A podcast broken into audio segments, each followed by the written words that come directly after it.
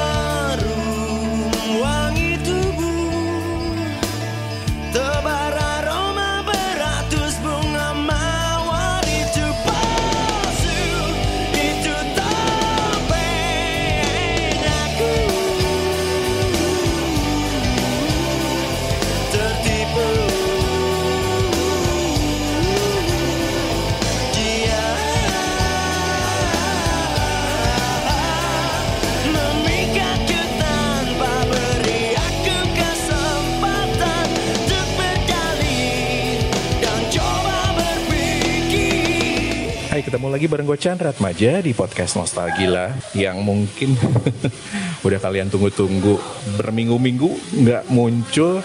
Ya sorry banget ya karena gue juga nggak mau bikin podcast yang nggak ada apa-apanya gitu. Nah kebetulan beberapa minggu ke belakang ini gue juga sibuk mengerjakan project lain Dan syukurlah akhirnya si project itu udah project pertama udah beres dan apa kemarin tuh eh, laptop gue juga bermasalah jadi ya itulah banyak kayaknya banyak banget dramanya dan syukurlah udah sembuh dari opname si laptop gue dan sekarang gue udah bisa memproduksi lagi eh, sudah bisa recording lagi podcast di episode ke-78 Oke, yang akan gue bahas di episode kali ini adalah tentang jalan terjal menuju sukses. Mungkin orang atau kalian juga paham ya, untuk mencapai sukses itu memang nggak mudah dan itu kita semua pasti setuju banget ya. Mendapatkan sesuatu yang menyenangkan har- harus diperjuangkan dulu dan itu nggak mudah, bisa berdarah-darah, bisa nangis darah juga gitu. Dan bukan gua dong kalau misalnya gua nggak ngobrol sama orang inspiratif. nah sebelah gue sekarang udah ada uh, satu sosok namanya Kang Asep. Beliau ini adalah seorang pengusaha meskipun kalau apa ya levelnya kalau kita bandingkan dengan misalnya banyak pengusaha sukses konglomerat sebelum ya tapi perjalanan dia ini udah bisa menjadi inspirasi buat kita semua termasuk juga buat gue sendiri gitu dan sama dia juga ngalamin banyak sekali jalan terjal mewek-mewek terus sampai diusir orang gitu. Dilecehin orang dan sorry gue jadi jadi jadi emosional karena gue juga tahu itu perjalanan ini. Eh ya nih sebelum ke tempat rekaman ini tadi gue ngelewat satu-satu area di mana temen gue tadi itu dulu pernah apa namanya kalau kalau berdagang itu mangkal. Nah dia itu diusir sama orang di situ karena dianggap telah merebut lahannya dia. Dan gue nyeletuk dong tadi ke temen gue itu. Ingat nggak lu dulu di sana diusir? Terus orang yang ngusir lo nggak tahu kan lo sekarang udah punya lima cabang. Jadi gue ambil pelajaran lagi bahwa jadi orang itu jangan jangan jadi orang nyebelin intinya begitu. Baik-baiklah terhadap semua orang gitu. Kalau misalnya kayak apa yang gue bilang barusan berlebut lahan berbagilah gitu. Karena rezeki juga nggak akan nggak akan ketuker gue pikir gitu. Dan orang-orang yang arogan seperti tadi rasanya juga kalau mungkin dipertemukan dengan teman gue ini dia juga akan kaget gitu. Ya namanya juga hidup ya. Langsung aja kita dengarkan gimana suaranya si Kang Asep ini. Halo Kang Kuma ada mang? Alhamdulillah baik, baik-baik aja. Sekarang sibuk eh, ini ya launching menu baru ya. Yes, eh, alhamdulillah kemarin udah launching di itu bagus, udah dapat 4 hari. Terus hari ini live baru di Muhammad Ramdan. Doain ya biar lancar. FYI gue juga terlibat di sana dan ini baru buat gue baru tuh secara profesional tetapi kalau urusan kayak masak memasak sih gue juga di rumah tukang masak jadi rasa masakan gue ini 11-12 sama nyokap gue kalau nggak percaya ya boleh gue masakin deh kapan-kapan. Oke Kak- Kang Asep eh, tadi kan saya bilang di awal kalau em, menjadi pengusaha ini sekarang itu mungkin sudah kayak semacam hasil meskipun kita sekarang ini belum di ujung ya kita masih terus dalam proses. Nah dalam perjalanan sejauh ini bisa diceritakan nggak kayak tadi saya bilang ada ada ada drama dramanya ada mewek meweknya ada diusir orang segala macam tapi ya semua itu memang harus dilaluin ya untuk mencapai titik yang sekarang oke belum sukses sukses amat tetapi ini progresnya memang sudah naik gitu kang Ya, alhamdulillah. Sebenarnya kalau dikatakan sukses itu ya semua orang juga belum puas ya. Kalau saya ceritakan dari awal sampai akhir kayaknya sih panjang gitu dan eh, durasinya juga lumayan lama ya nggak cukup. Jadi ya saya akan cerita guys besarnya aja bahwa segala sesuatunya kalau kita punya niat untuk sukses yang perlu kita siapkan adalah yang pertama mental. Mental karena eh, setiap orang itu mentalnya itu beda-beda. Nah eh, saya juga di sini mengalami banyak hal. Jatuh bangun gitu. Dari nol sampai sekarang saya juga pernah merasakan dulu diusir berapa kali sama pedagang-pedagang sebelah gitu. Terus pernah juga ngerasain ditipu sama karyawan gitu. Bahkan eh, pernah ngerasain di mana saya saat itu lagi benar-benar down keluarga pun tidak ada yang support nggak ada yang ngedukung bahkan saya ngerasa kayak dijauhin kayak ngerasa sikap mereka beda sama kayak dulu waktu saya masih kerja kantoran. Dan saat ini alhamdulillah gitu eh, keluarga saya pun udah gimana ya maksudnya udah baik lagi udah biasa lagi. Dan sampai saat ini saya juga pernah ngerasain di mana waktu itu saya waktu di awal-awal pernah apa ya kayak ngejual mesin cuci gitu ngejual AC itu sebenarnya adalah buat modal. Karena memang saya nggak nggak ada modal sama sekali. Benar-benar kayak modal niat nekat dan Bismillah gitu. Dan alhamdulillah dari awal awal itu saya dari mulai kapan sih waktu itu pan? Pindah ke Bandung tuh. Ber- dua tahun lalu ada nggak? Eh, ya dua tahun yang lalu eh, saya juga pernah jualan kayak eh, minuman terus eh, pindah lagi ke bagian ke seafood seafood seafood frozen sampai akhirnya saya sekarang menemukan di mana menurut saya ini udah passion saya gitu. Sampai sekarang ini pun saya masih dalam tahap belajar gitu. Belajar makanya saya sekarang bawa partner untuk istilahnya biar bisa sharing lah gitu biar bisa sharing. Dan masih banyak sih progres-progres yang saya mau kembangkan ke depannya cuman ini saya masih kayak step by step dulu pelan-pelan dulu gitu. Sampai akhirnya saya bisa menemukan eh, puncaknya gitu. Artinya titik kesuksesannya kayak gitu. Oke kita tahan dulu eh, rencana masa depan nanti kita bikin eh, episode khusus Kang.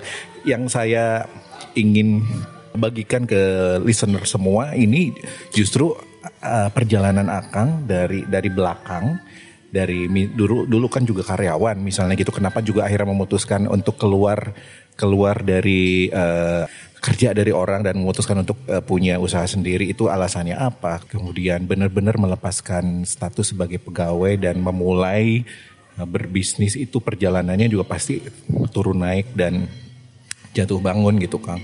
Nah oke lah kita batasin mungkin titiknya tuh sekarang gitu. Oke ini belum sukses tapi ini progresnya sudah sangat hmm, sangat baik kalau saya perhatikan karena bayangkan lima cabang gitu sekarang di mana dalam tengah-tengah perjalanan lalu itu gue juga tahu guys gitu si Akang ini tuh pernah ada di titik dan mungkin juga negatif. Bukannya di titik nol tapi lebih bawah dari itu karena namanya hidup ya eh, masalah kadang-kadang kalau lagi bareng bareng gitu bertubi-tubi datang bareng gitu.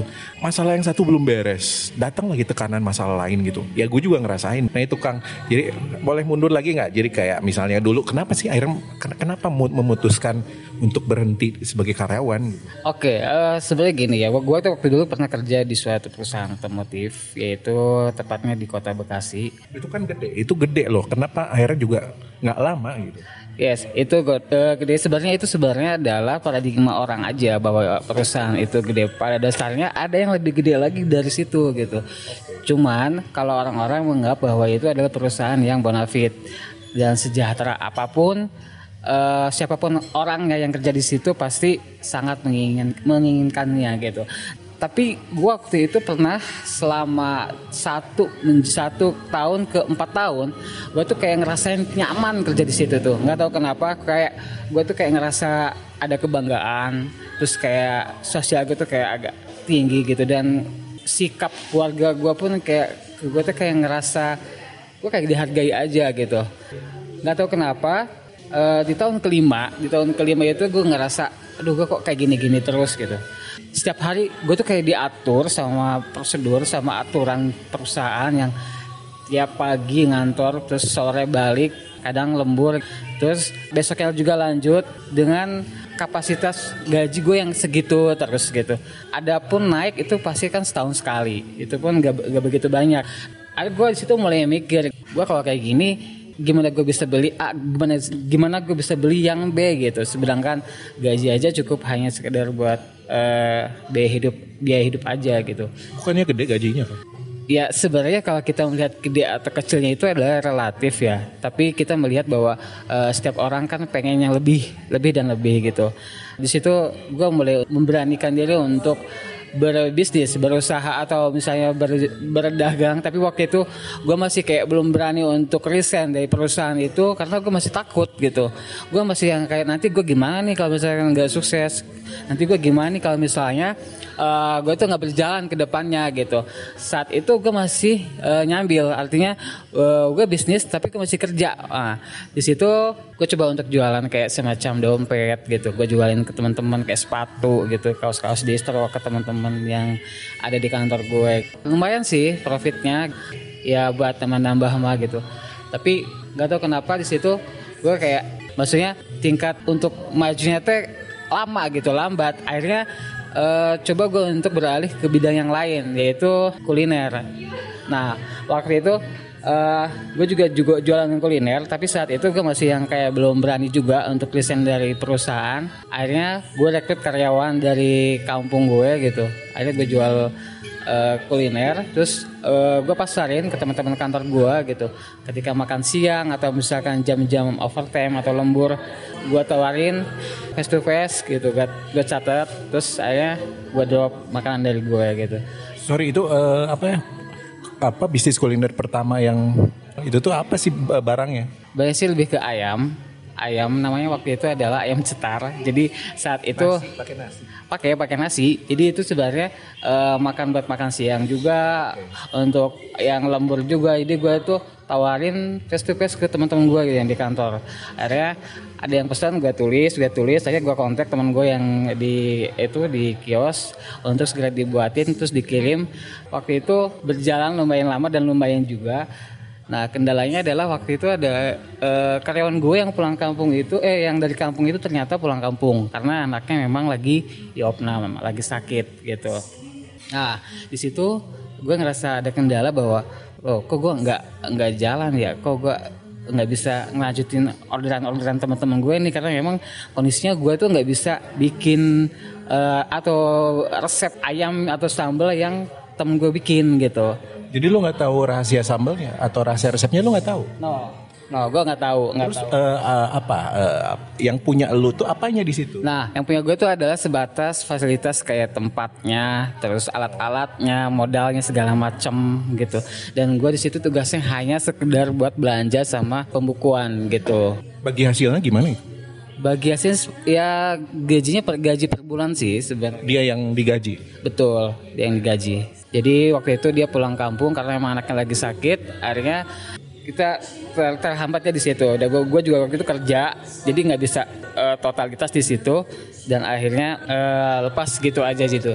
Terus selanjutnya, akhirnya gue tuh selang itu selang itu berhenti beberapa tahun kemudian juga gue coba kepikiran lagi untuk berbisnis yaitu gue jualan kedai kopi tapi waktu itu mas gue masih yang kayak tetap masih yang belum berani untuk resign dari perusahaan Eh, tapi waktu eh, waktu itu gue masih yang kali ini gue deh yang terjun langsung. Cara pembuatannya resepnya dan lain-lain. Karena memang gue belajar dari eh, kuliner-kuliner sebelumnya gitu. Dan akhirnya gue get teman gue untuk partneran untuk eh, join bareng. Dan akhirnya kita putusin untuk jualan kedai kopi tapi waktu waktu itu pakai mobile. Jadi waktu itu Food truck itu loh, itu, itu tuh pertama kali itu kopi ya. ya.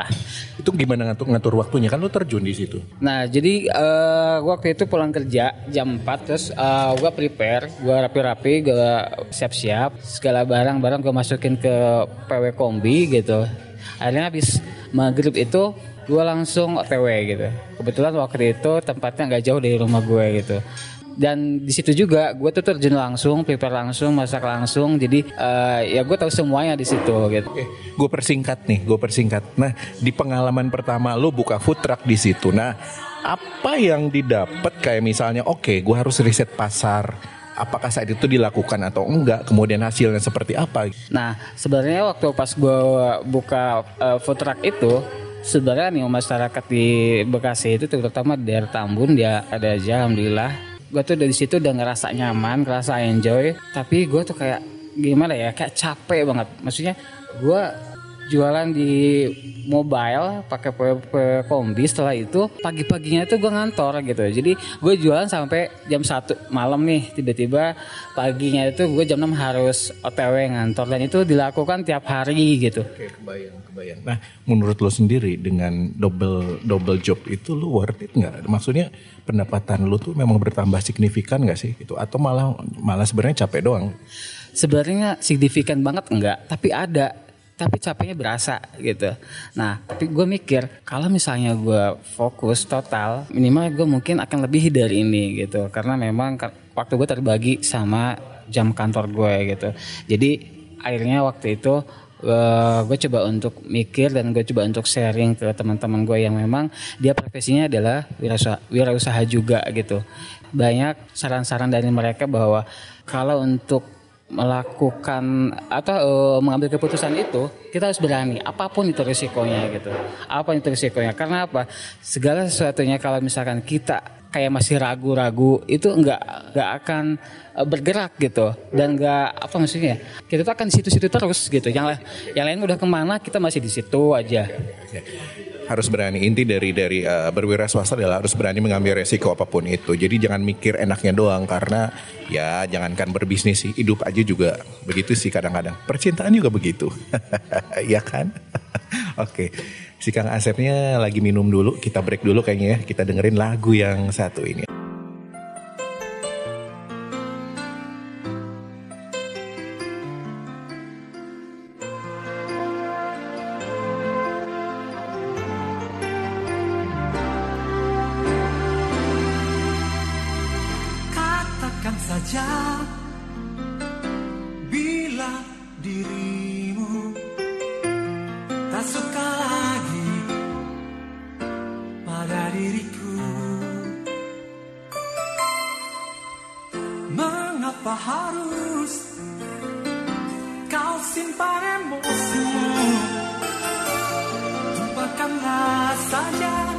agar hatimu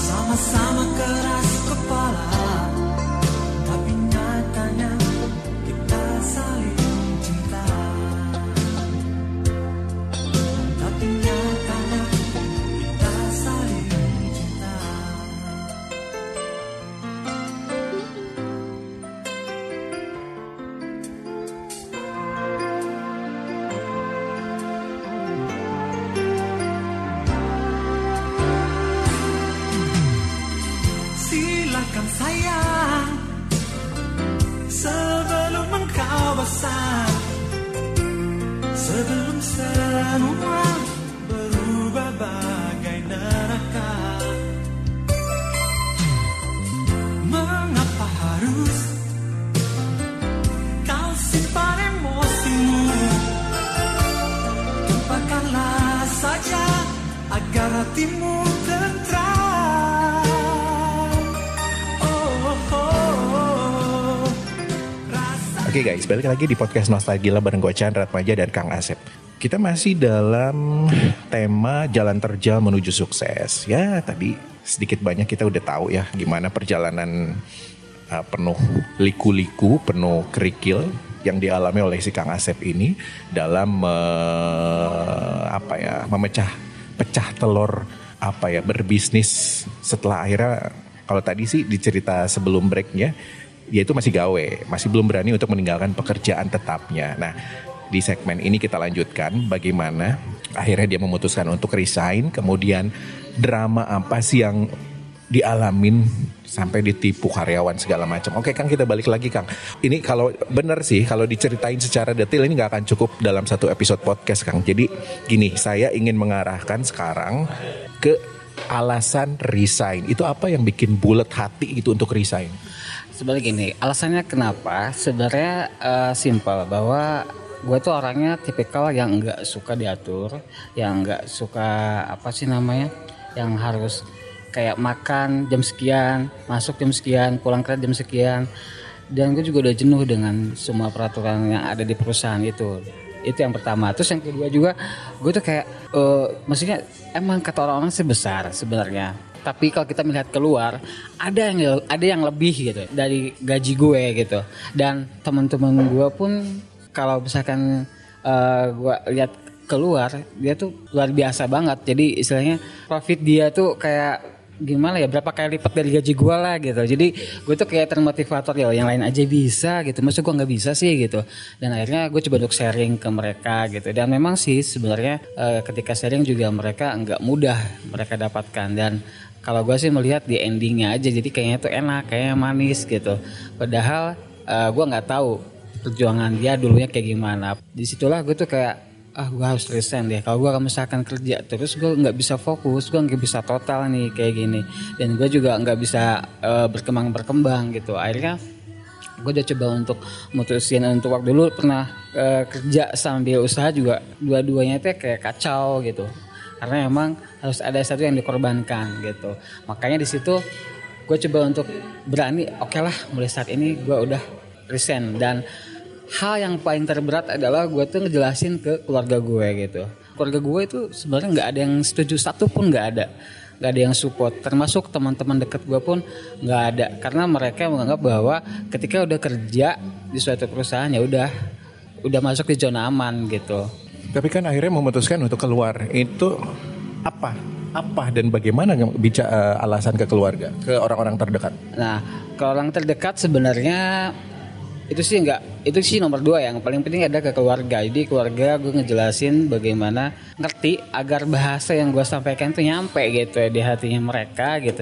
Cuman ya keluarga gue tuh kayak ngapain sih keluar? Katanya lu kan udah enak kerja di situ udah udah dapat gaji tetap udah nyaman udah sejahtera apa apa juga udah di cover sama perusahaan nyariin kayak gimana lagi gitu Nah berarti kan lo harus menjelaskan eh, visi lo gitu kan, visi visi akhir kenapa akhirnya memilih untuk keluar sampai visi itu ke mereka. Iya, akhirnya gue jelasin bahwa kerja itu yang ngejalanin tuh aku gitu. Jadi apa pun yang dirasakan tuh bukan orang lain melainkan saya pribadi gitu. Akhirnya keluarga gue pun kayak yang masih berat gitu. Tapi gue jelasin bahwa segala sesuatunya, eh kita juga berwira swasta atau berbisnis itu intinya adalah nyari keberkahan, nyari ridho atau nyari apa sih namanya kayak akan lebih baik lah ibar- ibaratnya dibandingkan saya kerja di eh, perusahaan kemarin.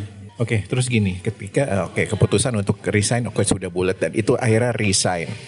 Mikir nggak sebelum beberapa saat sebelum resign mikir nggak harus punya simpanan ini ini ini harus punya persediaan sekian bulan ke depan. Yes, waktu itu alhamdulillah gue tuh dapat kayak pesangon dari perusahaan gitu.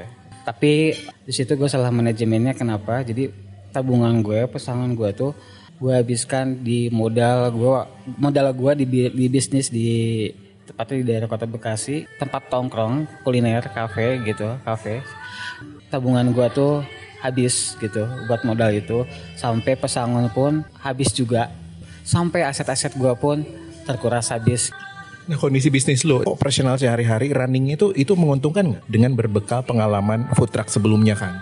Yes, sebenarnya dulu itu saya mengalami bahwa cost gue tuh emang tinggi banget. Modal gue tuh besar gitu, menurut gue ya, modal gue, modal gue besar. Tapi feedbacknya atau marketnya atau penjualannya itu tidak menutupi gitu. Buat gaji karyawan, sewa tempat, biaya operasional dan lain-lain. Sampai akhirnya di situ kalau sebulan dua bulan oke lah masih yang belum berasa, tapi udah di angka 3, 4 dan seterusnya eh, kayak aduh ini udah mulai goyang nih gimana nih gitu sampai akhirnya saya pun di tahun terakhir karena kan saya sewa itu setahun sewa tempat sempat mutar otak juga ini gimana ya untuk sewa selanjutnya sampai akhirnya eh gue tuh kayak pinjam pinjam ke suatu bank dan iniin mobil gue gitu. Jadi eh situ gue masih bertahan gitu di tahun keduanya. Tapi Kondisi bisnis gimana? Nah kondisi bisnisnya itu emang kurang waktu itu. Emang emang parah gitu. Emang parah cuman gue tuh kayak kayak sabar nih. Mungkin namanya juga di awal nggak mungkinnya langsung rame gitu. Nah akhirnya gue tuh kayak gue kok sabar boleh tapi yang ada malah tekor terus gitu. Yang ada malah eh, rugi terus. Yang akhirnya gue tuh mutusin tuh kayaknya nggak bisa lanjut. Sedangkan tabungan gue udah nggak ada. Aset gue juga udah habis di situ dan dan eh, penjualan penjualan gue juga kurang baik. Jadi nggak ketutup gitu buat biaya operasional Jadi mungkin ada mis mismanagement dan mungkin knowledge-nya juga belum sampai saat itu ya. Ya namanya juga proses proses berbisnis, proses hidup ya sama-sama memang harus belajar dari pengalaman orang agar kita mungkin juga tidak mengalami hal uh, negatif yang sama seperti yang dialamin orang. Nah, oke, eh, saya gue pengen highlight satu satu drama. Lu ditipu ini gimana sih ceritanya? ceritanya waktu itu. Ini juga kan di momen-momen masih betul betul betul. Jadi gini cerita ya waktu itu kan ada karyawan gua karyawan gua itu emang masih ada hubungannya saudara jadi jadi saudaranya dia juga sama kerja di tempat gua juga gitu. Tapi orang itu kerjanya buruk kurang bagus gitu sampai akhirnya itu gue udah kasih kesempatan sama dia beberapa kali gitu sampai akhirnya dia tuh tetap nggak ber- nggak berubah berubah nggak berubah berubah sampai akhirnya ya udahlah. Akhirnya gue mutusin untuk memecat dia gitu atau untuk member- memberhentikan dia gitu nah di situ mungkin saudaranya itu diusut sama dia bahwa eh, gimana untuk melakukan hal bodoh yaitu pencurian. Satu saat ketika mau closing, closing cafe, tiba-tiba ah, komputer gue, gas gue, speaker aktif gue, sampai per- perlengkapan akustik musik gue pun hampir hampir nih ya hampir mau hilang hampir mau raib. Jadi ke- kejadiannya waktu itu adalah jam 1 dini hari teman apa karyawan gue kan biasanya belanja kalau malam-malam itu jam 1 nah akhirnya motor dia yang megang karena emang belanja itu tugasnya dia gitu. Setelah itu ternyata dia merangkai kisah untuk untuk mengambil barang-barang gue gitu ya. Nah Kejadiannya se- kejadiannya ini cepat banget. Jadi jam 2 pagi itu mereka tuh jam 4 udah kelar, udah ngambil speaker, ngambil apa-apa. Kebetulan si pencuri itu ya karyawan gue itu dia eh, transportasinya itu menggunakan ojol gitu. Menggunakan ojol dan waktu itu drivernya tuh nanya. Dia ngetok-ketok ngetok-ketok rolling door gitu ya. Pak, Pak, kenapa? Ini benar katanya mau pindahan. Saya bawa bawa, bawa barang banyak gitu. Saya bilang, Enggak pak, enggak pindahan. Itu barang-barang di mobil saya pak banyak banget pas saya lihat. Allahu Akbar. Ternyata kayak gas, terus kayak kompor, kayak magicom, kayak komputer, kayak pokoknya perlengkapan, perlengkapan akustik tuh udah ada di mobil, tinggal jalan gitu. Sebentar, lu lu itu itu posisinya gimana? Lu ada di mana? Lu emang stay di situ? Ya, gue waktu itu emang lagi stay di situ kebetulan dan memang gue tinggalnya di atas karena kan ruko ya, jadi gue tinggal di atas. Nah, mereka itu di bawah. Nah, mereka beraksi tiga orang yang terlibat dan mereka itu emang ada hubungannya saudara semua dan mungkin mereka tuh melakukan itu karena memang sakit hati ketika pas saya memberhentikan salah satu mereka eh, karyawan saya gitu karena memang ya kerjanya kurang bagus dan di situ mereka sekongkol untuk mengambil ya kayak komputer dan lain-lain segala macam. Alhamdulillah semuanya itu ke gap karena memang drivernya itu dia minta eh, kayak kayak apa ya kayak tanda tangan benar apa tidak bahwa ini ada pindahan. Ternyata karyawan gue tuh alasannya itu pindahan. Padahal itu sebenarnya dia mencuri gitu. Sampai akhirnya pas si drivernya itu ngetok-ngetok pintu akhirnya karyawan gue tuh kebetulan dia jaga di luar. Terus saya keburu ketahuan akhirnya dia lari bawa motor saya dan motor saya pun sampai sekarang diambil olehnya gitu Oke, pernah dengar cerita motor motor Raim. Jadi ceritanya begini. Jadi memang ke gap dulu, malu, terus motor itu di, jadi kabur, kabur dan sampai sekarang belum balik. Betul dibawa kabur karena kunci itu tuh yang megang dia karena itu kayak tiap hari tuh dia sampai sekarang karena tiap hari emang dia yang megang eh, motor buat belanja buat ke mana ke mana ke mana gitu jadi sampai sekarang pun eh ya udah nggak nggak ditemukan lagi gitu motor itu nggak tahu di mana Oke, gimana ya? Maksudnya kita udah baik sama orang, udah mempekerjakan orang. Ketika orang tersebut juga kerjanya nggak baik, kemudian di kita berhentikan, nggak terima, ya susah ya. Faktor pendidikan, faktor lingkungan juga berpengaruh sepertinya dan ya ke depannya sih semoga ini hal-hal begini nggak nggak terulang sih. Ini udah cukup panjang tapi ceritanya belum belum nyampe ke yang sekarang nih Kang. Jadi kalau boleh disambung lagi ini, oke perjalanan dari dari Bekasi kemudian pindah kan ke Bandung. Nah, gue tahu pas di Bandung ini juga perjalanannya tuh dari nol lagi gitu. Ini tuh gimana Kang? Tapi di- dipersingkat. Ya, jadi waktu itu gue di Bekasi tuh udah nggak bisa bergerak, artinya eh, gue kafe itu udah nggak jalan, kos gue terlalu tinggi, terus beban operasional juga besar banget dan pendapatan juga nggak ada, pokoknya nggak seimbang. Sampai akhirnya gue tuh kayak coba deh gue untuk hijrah ke Bandung aja karena memang sudah masih ada saudara kan. Dan akhirnya gue tuh over kontrak ke temen gue yang di Bekasi kafe yang di Bekasi itu, over kontrak kayak semacam eh, peralatan, perlengkapan semuanya itu gue jual murah gitu ke tetangga gue yang samping. eh ketika itu udah di over kontrak, gue memutusin untuk ke Bandung gitu, karena gue udah nggak punya siapa-siapa lagi dan gue juga nggak punya tabungan apa-apa lagi gitu. Dan gue ke Bandung bawa bawa, bawa barang-barang yang masih ada sisa yang barang-barang gue gitu kayak mesin cuci, kulkas, sama AC gitu. Ah, itu adalah sisa-sisa sisa-sisa warisan gue gitu. Gue bawa ke Bandung gue pindahan gue coba untuk nyari mobil engkel gitu untuk bawa-bawa barang. Eh, pindahnya itu kalau nggak salah malam. Malam dari Bekasi sampai Bandung itu menjelang subuh. Dan dalam perjalanan itu gue tuh kayak nangis gak kuat karena apa yang gue pertahankan gitu apa yang gue perjuangkan kafe itu ternyata kok berat ya nggak jalan gitu. Ternyata kok nggak gampang nggak mudah gitu. Sampai akhirnya gue tuh kayak ngelepas gitu aja dan gue jual semua aset-aset gue gitu. Dan gue tuh di Bandung kayak benar-benar dari nol lagi nggak nggak punya modal mau buka apa gitu karena gue nggak ada uang sepeser pun karena mungkin gue habis buat bayar sana sa- bayar sini gitu. Karena waktu itu emang gue ya lumayan lah gitu. Utang gue juga lumayan banyak karena buat nutupin nutup modal yang di Bekasi itu.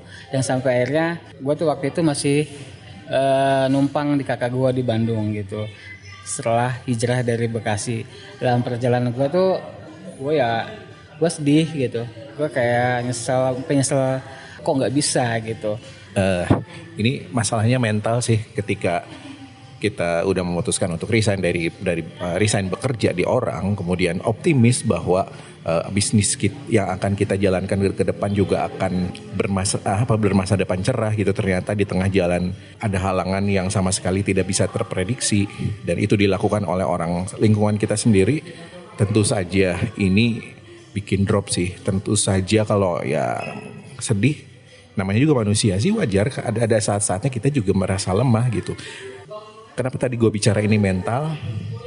Ya ini dia. Kalau lemah mungkin si Kang Asep itu ketika ditempa eh, masalah yang bertubi-tubi kayak tadi pasti berhenti dan mikir oke jalan ini, jalan ini tampaknya salah dan gue akan cari cara cara lain. Dan ini ternyata tidak dilakukan. Si Kang Asep ini tetap konsisten terhadap passionnya sendiri apa ya berbisnis kuliner dan ini gue bantu persingkat ya karena ini akan panjang banget kalau dia yang cerita. Nah ketika dia memulai lagi bisnis kuliner di Bandung ini gue tahu banget perjalanan dia ah, dari nol tuh bener gitu. Jadi mulai lagi food truck dengan menu-menu yang belum bisa dikatakan sesuatu yang menarik eh, buat konsumen gitu. Jadi biasa aja gitu. Di sana pun gitu, apa ya belum bisa diharapkan sih. Belum lagi drama kayak diusir orang. Jadi diusir di apa namanya kehidupan jalanan itu guys kejem banget itu tuh beneran jadi si Kang Asep itu sebenarnya udah izin udah izin terhadap hmm, adalah kita tuh bisa izin terhadap kayak misalnya Pak RW-nya atau siapa gitu itu itu udah dilakukan. Tapi di lapangan itu tidak berfungsi gitu. Jadi tetap saja orang sebelah atau orang yang meng- mengaku-ngaku punya otoritas di titik tersebut di pinggir jalan itu bisa berbuat semena-mena, ngusir dan segala macam padahal kita sudah izin gitu. Kita pahamlah seperti apa dunia kerasnya dunia jalanan gitu. Perjalanan itu dilewatin cukup lama juga sih.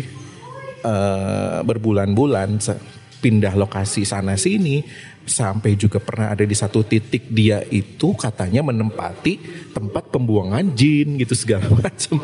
Lucu sih percaya nggak percaya tapi realitasnya bener sih tempat itu memang sama sekali tidak menarik. Kemudian nggak enak lah pokoknya gitu kan. Nah tapi terus si Kang Asep ini tetap konsisten mencari-cari eh, komoditas apa sih yang yang mungkin bisa menarik buat konsumen dan menghasilkan dari situ. Jadi setelah jual minuman itu ketika merintis banget dari nol, jual minuman gitu ya, minuman ya Tahiti segala macam yang biasa aja gitu. Terus sempat beralih ke kayak sate-sate apa sih namanya Kang? Sate frozen seafood. Sate frozen seafood. Nah oke itu pindah lagi tuh si Kang Asep ke, ke lokasi yang memang eh, banyak kaki lima. Kalau lo tahu di Bandung itu DU di sekitar Unpad Unpad pusat itu banyak yang jualan kalau malam. Nah si Kang Asep pernah ada di situ juga. Tetapi eh, di sini juga belum bisa diharapin. Jadi kayak masih jalan di tempat dan kayak capek doang gitu. Nah, dan gue juga sempat lost kontak nih pada saat si Kang Asep tuh jualan yang sate frozen ini. Nah, selentingan gue tahu dari teman gue yang lain, si Kang Asep ini sekarang udah jualan seafood. Gue pikir seafood itu sate tusuk itu tadi ternyata beda gitu. Dan satu masa dia ini nga- ngajak ketemu gue gitu. Gue wow ternyata gue tahu. Oh, oke ternyata dia udah punya jadi selama lost kontak itu ternyata dia berkembang gitu gitu loh. Itu yang itu yang jadi inspirasi sebenarnya buat buat buat gue sendiri dan eh, syukur-syukur buat kalian gitu guys. Jadi kegigihan dia itu ternyata berbuah dan memang memerlukan waktu. Jadi bukan cinta doang yang katanya love takes time bisnis juga begitu kesuksesan juga memerlukan waktu gitu Kang nah kita mungkin sekalian kesimpulan Kang konsistensi yang dilakukan apa sih alasannya dan itu butuh waktu berapa lama Nah, untuk masalah waktu itu kan relatif ya. Setiap orang kita bisa tidak tidak bisa disamaratakan gitu. Karena tingkat kemampuan mental dan lain-lain itu setiap orang beda-beda gitu. Tapi kalau saya pribadi itu sekitar satu, tahun- satu tahun setengah gitu. Satu tahun setengah itu eh, saya dari nol sampai alhamdulillah sekarang sampai sekarang udah ada di lima cabang.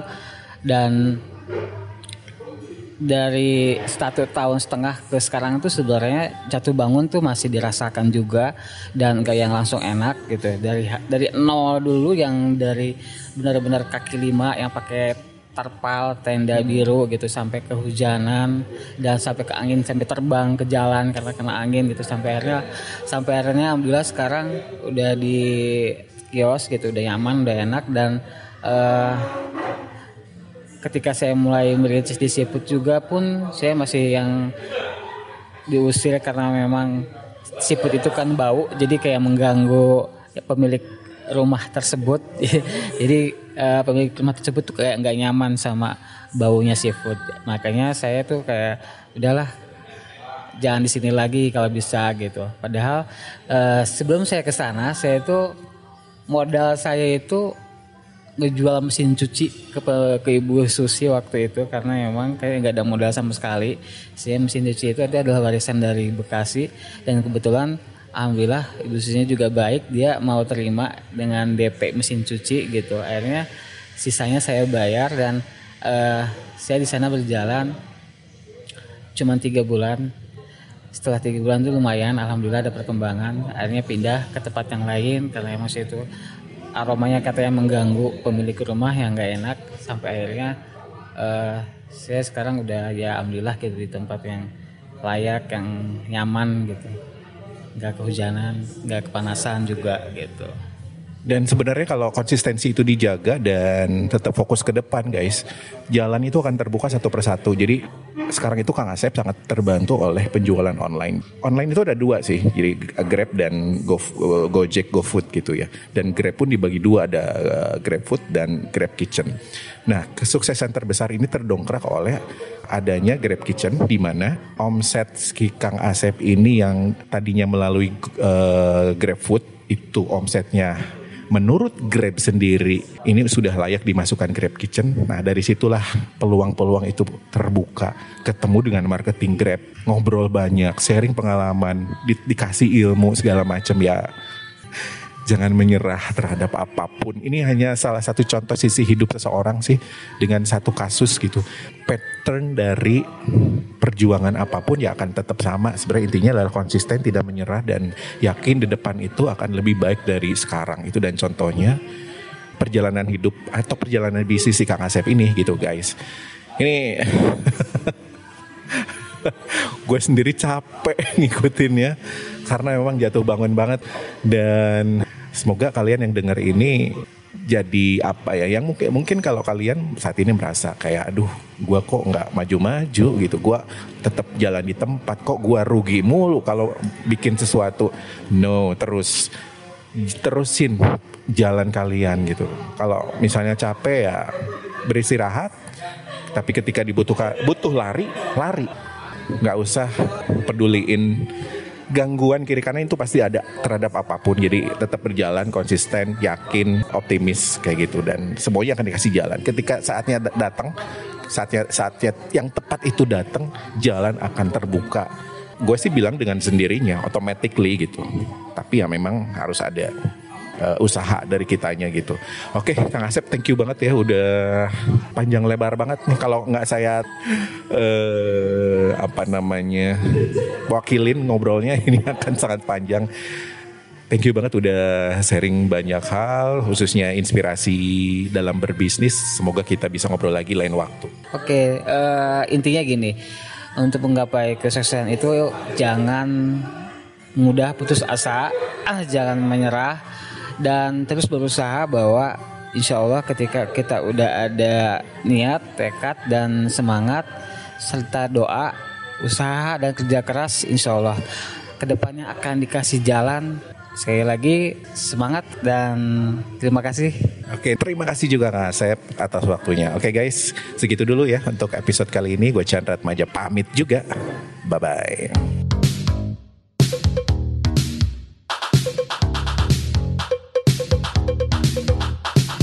You are listening to Podcast Nostalgia.